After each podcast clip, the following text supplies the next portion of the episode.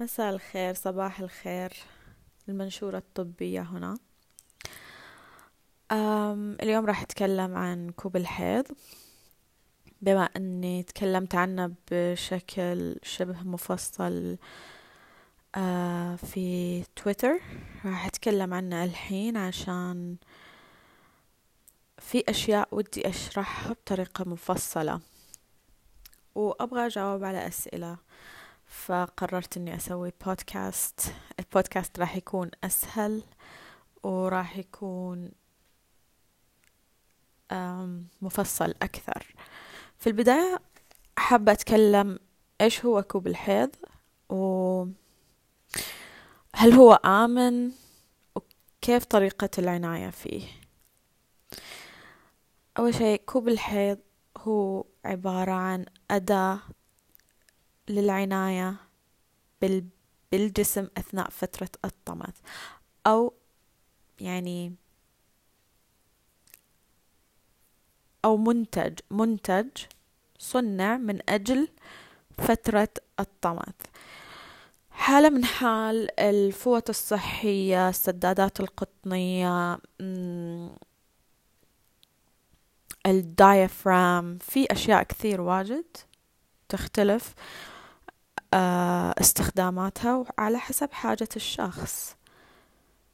كوب الحيض مصنوع من مادة السيليكون الطبي وما يحتوي على بلاستيك ولا يحتوي على مواد مضافة. آه يتم إدخاله في المهبل في قناة المهبل ل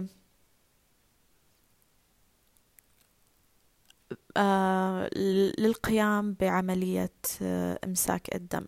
طبعا ما يمسك الدم يخليه يرجع على ورا زي ما يفكروا بعض الناس. لا إنه يصير الدم في داخل الكوب ولا يرجع لورا لأنه مستحيل مستحيل الدم يرجع لورا للرحم. هذه خرافة. عنق الرحم يطلع منه أشياء بس ما ترجع إلى أشياء. عنق الرحم قناة عنق الرحم. ما ترجع لها أشياء مستحيل. فاطمنوا. كل هذه الخرافات الدورة ترجع والدورة تنمسك و و هذه أشياء ما تصير. أم طيب. يعني هو عبارة عن أداة توضع في المهبل للقيام. يعني للعناية بالنظافة أثناء فترة الحيض. هل هو آمن؟ طبعا آه، كوب الحيض مصنع من مادة السيليكون الطبي يعني ما هو مصنع من البلاستيك. خالي من المواد الكيميائية المضافة الموجودة تكون في السدادات القطنية أو الفوط الصحية. خالي من مادة البوليستر. خالي من الكيميائيات المواد الكيميائية والعطور التي توضع في القطن من أجل آه، التخلص من الروائح. أيضا خالي من البليتش. وبالتالي استخدامه يقلل من نسبة حصول الحساسية. يعني إذا إحنا نستخدم مادة خالية من العطور خالية من المواد الكيميائية خالية من البولي يقلل من نسبة حصول آه، حساسية. أم طبعا في شيء آه في حالة اسمها TSS إس إيش يعني هذه؟ toxic shock syndrome ال toxic shock syndrome أو. متلازمة الصدمة التسممية. متى تصير؟ تصير آه للناس ممكن اللي ممكن يستخدموا سدادات القطنية. لاحظوا بس استخدام السدادات القطنية بالطريقة الصحيحة ما تسبب هذه المتلازمة ولكن استخدامها بالطريقة الخاطئة. يعني مثلا إيش بالطريقة الخاطئة؟ آه الطريقة الخاطئة مثلا يكون آه الامتصاص امتصاص السدادة القطنية أكبر من نسبة التدفق حق الحيض أو يكون استخدام في وقت عدم الحاجة يعني تستخدم سدادات قطنية مثلا في وقت غير الحيض هذا جدا خطر جدا خطر. أو تركها لفترات طويلة تتعدى الثمان ساعات. وهذا موجود هذه التحذيرات موجودة على علبة السدادة قبل الاستعمال. يعني المفروض ما تنترك داخل المهبل لمدة تتجاوز الثمان ساعات. والتغيير دائما يكون باستمرار وإلى آخره. أيضا آه،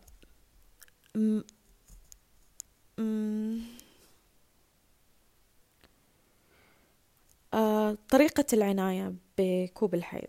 طبعا قبل الاستخدام راح يجي معاه مرفق يعني منشورة آه لازم تقري هذه المنشورة وكيف طريقة العناية بالكوب الخاص اللي شريتيه. ومثلا وش نوع الصابون اللي لازم تستخدميه في هذه الحالة؟ آه طبعا آه الصابون الأفضل استخدام صابون خالي من العطور. أول استخدام لازم ينغسل جيدا بالماء البارد والصابون يعني ينغسل جيدا لأنه ما تبغي تستخدمي شيء جديد قبل ما وتدخليه داخل جسمك ومن غير ما تتأكدي من نظافته. نظفيه مرتين ثلاث مرات بكيفك. أنا عن نفسي نظفته مرتين بالماء والصابون جيدا. وقبل الاستخدام قبل الوضع نظفته آخر مرة بالماء الدافئ فقط. آه طبعا تستخدميه آه وكل ثمان ساعات أو عن نفسي كل أربع ساعات. آه أتأكد هل هو نظيف طبعا لما أطلعه لما يطلع كوب الحيض من المهبل الأفضل تنظيفه من جديد بنفس الطريقة بالماء والصابون البارد. وقبل الإدخال تستخدمي الماء الفاتر. طيب لما تنتهي الدورة عندك حلين.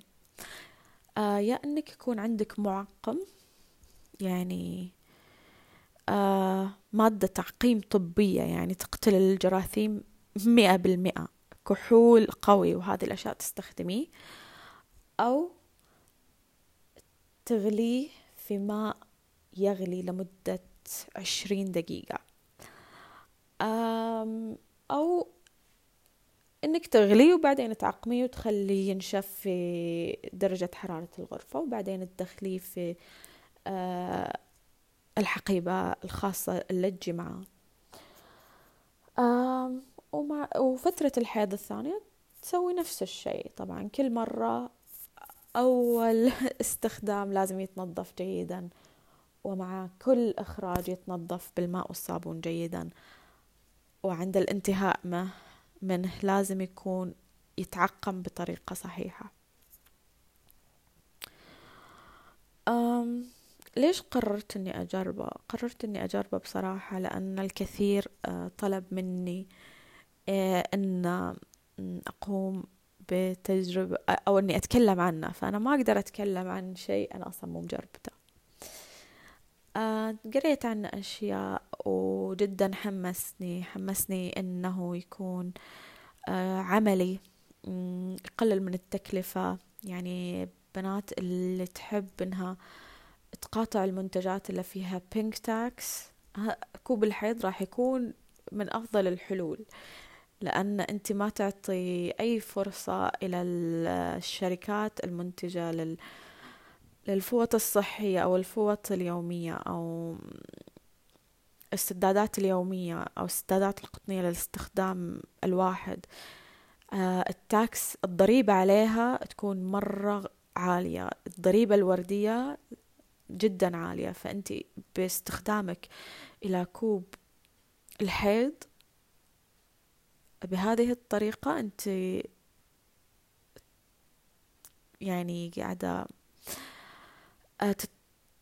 تقاطعي الشركات اللي تتعامل بالضريبة الوردية. فأنت تساعدي الكثير بهذه الطريقة تساعدي جميع النساء اللي يعانوا من هذه الضريبة الوردية وإذا الكل غير مست يعني إذا الكل غير مستحضرات الحيض إلى مستحضرات حيض آه ليست ذات الاستخدام الواحد. مثلا الفوط آه ذات الاستخدام المتكرر أو أو كوب الحيض مثلا. بالعكس أنت قاعدة تشجعي الشركات تقلل من الضريبة الوردية و...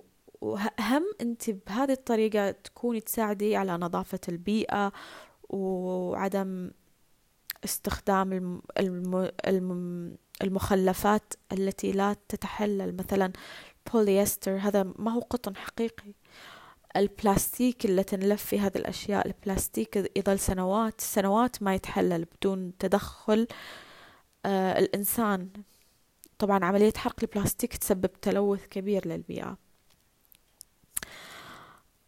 أيضا في آه سبب تجربة سبب يعني رغبتي في التجربة في شركات آه المصنعة لكوب الحيض. عندها عندها برام يعني برنامج آه إنساني. كل كل مثلا آه كوب حيض ينشرى في كوب حيض يتبرع فيه إلى شخص محتاج إليه. يعني أنا تكلمت عن آه إن في بنات آه في مجتمعات تكون فقيرة. ما عندهم المقدرة إنهم آه يشتروا ال يشتروا المنتجات الطمث ذات الاستخدام الواحد أو إنه ما يكون متوفر بشكل عام. فكوب الحيض أنت بهذه بهذه الطريقة أنت تساعديهم. لما تشتري مثلا من شركة تقوم بهذا العمل الإنساني. أو هذا العمل الخيري فأنت تساعدي بهذه الطريقة تساعدي الكثير. وغيره عملي يعني تحتاج كوب حيض واحد لسنوات طويلة. تحتاجي تستخدمي كوب واحد وتطلعي فيه ونفس هذا الكوب إذا احتجتي مثلا تغيري هو موجود عندك. يعني ما ما راح تحتاج تكلفة ما يحتاج تحملي معك أشياء في شنطتك. ما يحتاج تن يعني إنك تخافي إن آه مثلا يا ربي إيش راح أسوي لو إني احتجت إني آه أغير في مكان عام. يعني هذه المشكلة ما راح تواجهيها آه يعني بوجود كوب الحيض إيش كمان؟ طيب مدة تجربتي. الحين؟ أنا الحين آه، صرت أستخدمه لمدة ثلاثة أيام. هذا اليوم الثالث. أول مرة طبعا هذه أول دورة أستخدم فيها كوب الحيض. كيف يتم وضعه؟ طبعا كوب الحيض أنا تكلمت يكون في له أحجام بشكل عام كل شركة لها حجم آه، خاصة صنعة يعني راح تلاقي أحجام مختلفة. مثلا راح تلاقي S M L أو petite أو راح تلاقي uh, large small medium أو راح تلاقي short uh, راح تلاقي short long. يعني في كل شركة راح تلاقي مسميات مختلفة. فأنت ما عليك من هذه المسميات عليك من المقاس الموجود. زي ما قلت أنا في البداية لازم تكوني عارفة عشان تعرفي وش هو المقاس اللي أنت تحتاجيه. لازم تقيسي بعد عنق الرحم من فوهة المهبل في فترة الحيض لأن طبعا آه، عنق الرحم يتحرك طول فترة طول الشهر يتحرك. يعني كل يوم راح يكون في موضع معين أو كل جزء من فترة الدورة الشهرية راح يكون في وضع معين. يعني في فترة الخصوبة راح يكون في ارتفاع معين في فترة آه، الإفراز راح يكون في ارتفاع معين أو في بعد معين. فالأهم أنت راح أنت تستخدمي هذا المنتج في فترة الحيض. فلازم أنت تعرفي وشو بعد آه بعد عنق الرحم عن فوهة المهبل في هذه الفترة.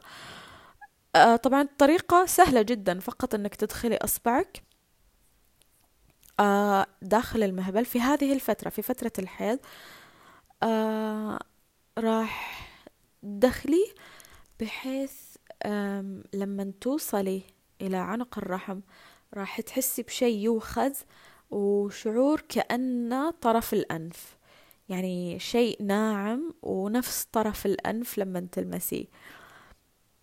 أم وتشوفي فين الصبع وقف؟ من فوهة المهبل إلى لما تلمسيه بطرف إصبعك. قيسي هذا البعد حق إصبعك بالمسطرة. طبعا راح يكون هو أقل أو أكثر يعني راح يكون في مليمترات اختلاف مليمترات بسيطة فالأفضل أنك تعرفي المقاس بشكل عام مو شكل دقيق ما يحتاج أنه يكون دقيق جدا. راح تلاقي أكثر المقاسات اللي تكون لعنق الرحم القصير راح تلاقي يكون آه المقاس سمول لعنق الرحم اللي يكون بعده متوسط آه راح تلاقي يكون small أو medium والعنق الرحم اللي يكون بعيد راح يكون المقاس. راح تقدر تستخدمي أي مقاس. بس الأفضل مثلا يقولوا لك يعني مثلا استخدمي المقاس M أو L عشان ما يروح مرة بعيد ولا تقدري آه، تمسكي فيه.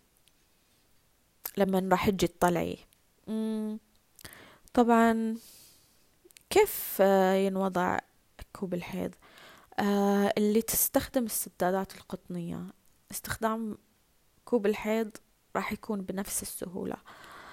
آه كيف يوضع يطوى كوب الحيض؟ لأنه هو أصلا مصنوع من مادة السيليكون فينطوى بالشكل المناسب لحاجتك.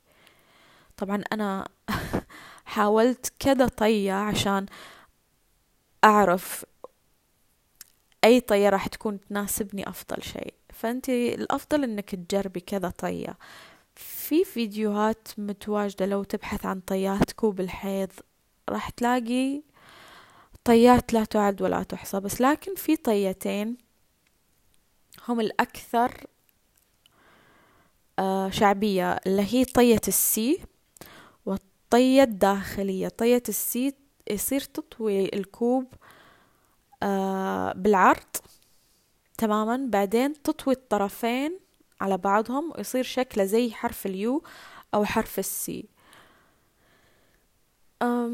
طبعا يتم آه وطبعا الطية الداخلية يصير تطويه بالعرض. نفس الشيء. تضغطي بالنص على جزء يعني على جزء واحد من من الكوب وتنزليه لتحت لآخر شيء. بعدين تطوي شوي نفس طية السي وراح يصير المقاس حق الجهة اللي تدخل للمهبل مرة صغيرة. فهذا مرة يناسب اللي يكون عندهم صعوبة في الإدخال أو عندهم يكون تشنج مهبلي. طبعا لما يتم إدخال الكوب راح تحتاجي إصبعين. طبعا يدخل يعني يدخل يدخل إلى المهبل إلى حتى يوصل إلى عنق الرحم ويترك. طيب في البعض يقول إن أحيانا لازم يحركوا جدار المهبل أو يضغطوا عليه من جهة عشان الكوب ينفتح داخل القناة. أو إنهم يضغطوا عليه من تحت في في القاعدة يضغطوا عليه يسووا له بنج وينفتح من داخل. طيب. طبعا لما يد... ي... لما ي... يتم إدخاله وأنت تدخليه في حلين. يا إنك تضغطي تسوي حركات عضلة الكيجل وأنت تدخليه أو البعض يتم يقوموا بتدخيله وكأنهم يسووا حركات الضغط. يعني مثلا كأنها تسوي آه، نفس تمارين عملية الضغط أثناء الولادة أو أثناء استخدام الحمام آه، استخدام الخلاء أثناء التبرز.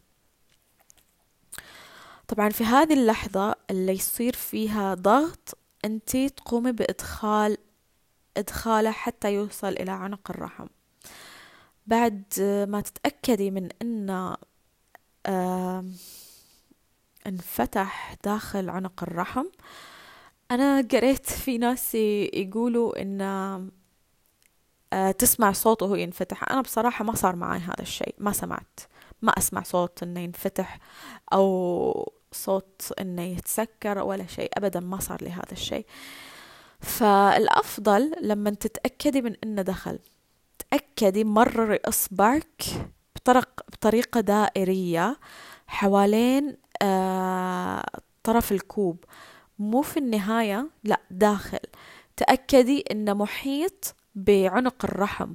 إذا حسيتي بعنق الرحم يعني مثلا أنت توخزي عنق الرحم وأنت تحركي المهبل قصدي تحركي إصبعك بطريقة دائرية يعني أنت لسه ما صار يعني كوب الحيض ما هو في الموقع الصحيح. فالأفضل أنك تسحبيه شوي طيب اسحبيه شوي وردي داخليه بحيث أنه آه يحيط بعنق الرحم. إذا ما صار حاولتي كذا مرة حاولي إنك تحركيه من فوق أو تحركيه من تحت بحيث إنك لما لما تسحبيه بحيث إنك إن إنه يحيط بعنق الرحم. ما راح تحسي إنه قاعد يحيط بعنق الرحم ولا لا. الأفضل لازم تتأكدي إنه محيط بعنق الرحم. عن طريق عدم الشعور به عند محاولة آه، لمس عنق الرحم بالإصبع. يعني أنت ما راح تقدري تحسي بعنق الرحم.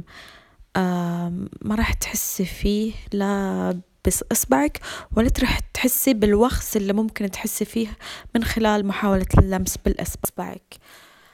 فالوضع يحتاج شوي صبر وشوي آه، تجربة كذا مرة.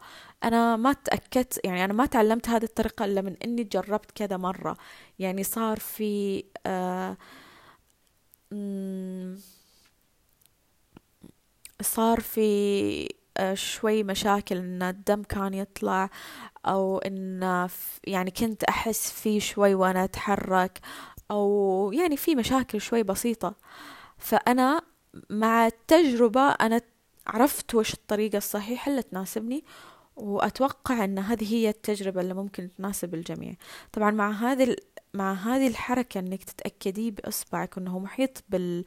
بعنق الرحم جيدا ما راح تحسي في الكوب وانت جالسة وانت تمشي وانت تسوي هذه الأشياء أبدا ما راح تحسي فيه وما راح ما راح يصير في تبقع والدم ما راح ينزل لأنه لأن الكوب محيط بعنق الرحم تماما. طبعا آه لما يصير في تبقع في لما يصير في تبقع يا إن الكوب ما هو محطوط بطريقة صح أو إن أو إن يعني بعد كذا ساعة ممكن أنت عندك تدفق جدا عالي فلازم تتأكدي إن الكوب نظيف. أم صح في شيء حبيت أم أتكلم عنه وهو عدم وجود يعني بكوب الحيض. أنا تأكدت إنه صحيح إن دم الحيض ما إلى ريحة كريهة وإن هذه الريحة تصير بسبب تجمع البكتيريا في القطن. وزي ما تعرفوا إن في القطن قصدي المهبل يحتوي على بكتيريا.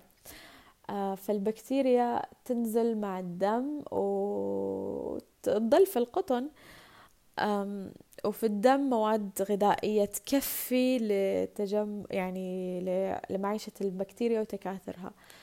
آه، تكاثر البكتيريا الضارة ستافلوكوكوس أوروس طبعا اسم هذه البكتيريا الضارة يسبب هذه الريحة الكريهة. فدم الحيض أبدا ما إلى ريحة. ونفس الدم العادي يعني إذا حتى إلى ريحة فهو إلى ريحة دم يعني عادي ريحة دم يعني شيء ما هي كريهة.